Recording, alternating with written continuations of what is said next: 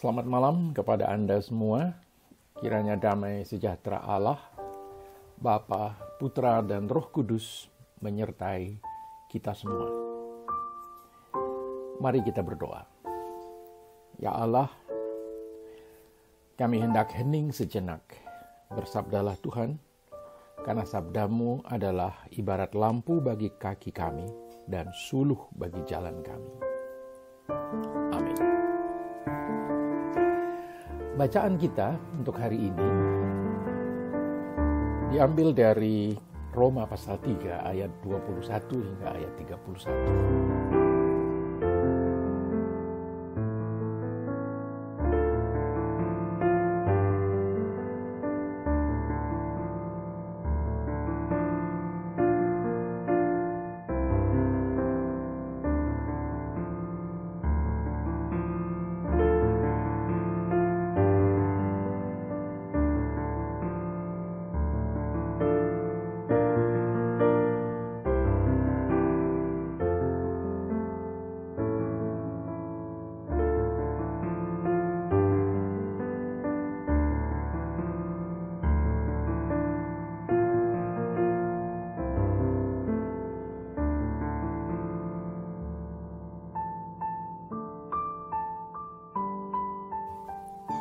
Yang menarik dari bacaan ini adalah di dalam bacaan ini kita menyaksikan ketegangan antara hukum pada satu sisi dan anugerah pada sisi yang lain.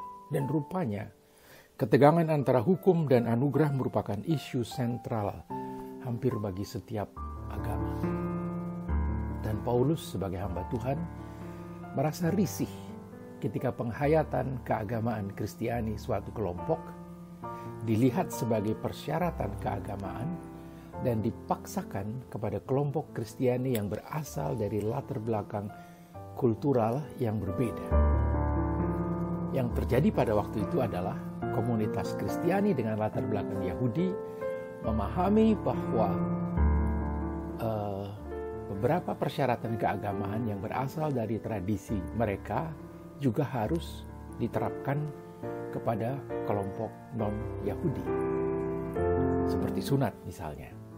Nah, Paulus dalam pewartaan Injil kepada orang-orang non-Yahudi mengutamakan penghayatan kekristenan sebagai suatu proses transformasi.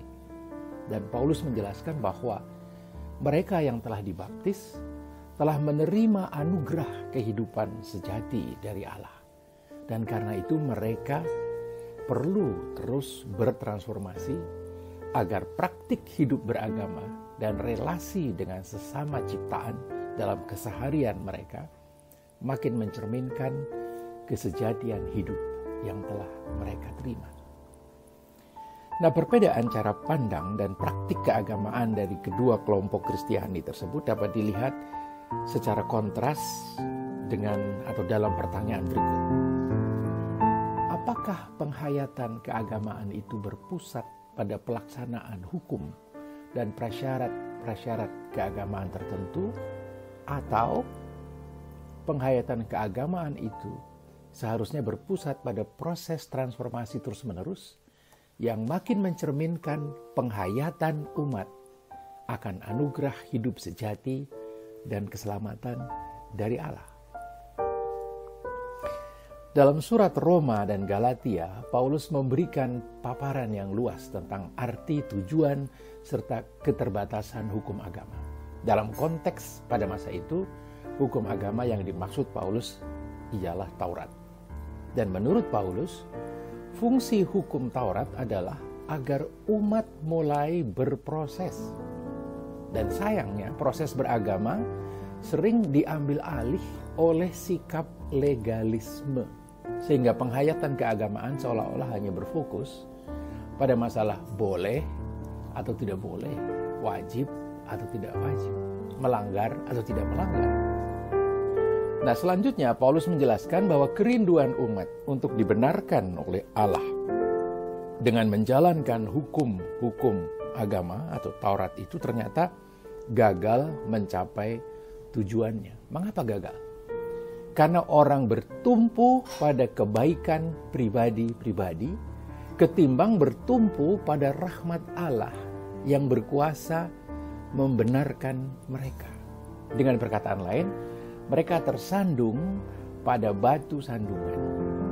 Dan memang benar hukum agama merupakan tahap awal yang dibutuhkan, tetapi bila mereka tetap pada tahap itu, menurut Paulus, maka hukum akan menjadi perintang transformasi kepada kasih dan kerahiman Allah. Hukum dapat membuat proses transformasi menjadi frustrasi karena ketaatan pada hukum menjadi tujuan akhir pada dirinya sendiri. Hukum agama menjauhkan kita dari tujuan beragama yang sesungguhnya yaitu relasi dengan Allah dan relasi dengan sesama. Paulus malah mengatakan bahwa hukum tertulis itu membawa kematian dan hanya roh yang dapat membawa manusia kepada kehidupan. Saya cantumkan rujukan-rujukan pada teks yang menyertai tayangan ini. Manusia pada dirinya sendiri tidak memiliki kekuatan yang cukup untuk menaati hukum keagamaan.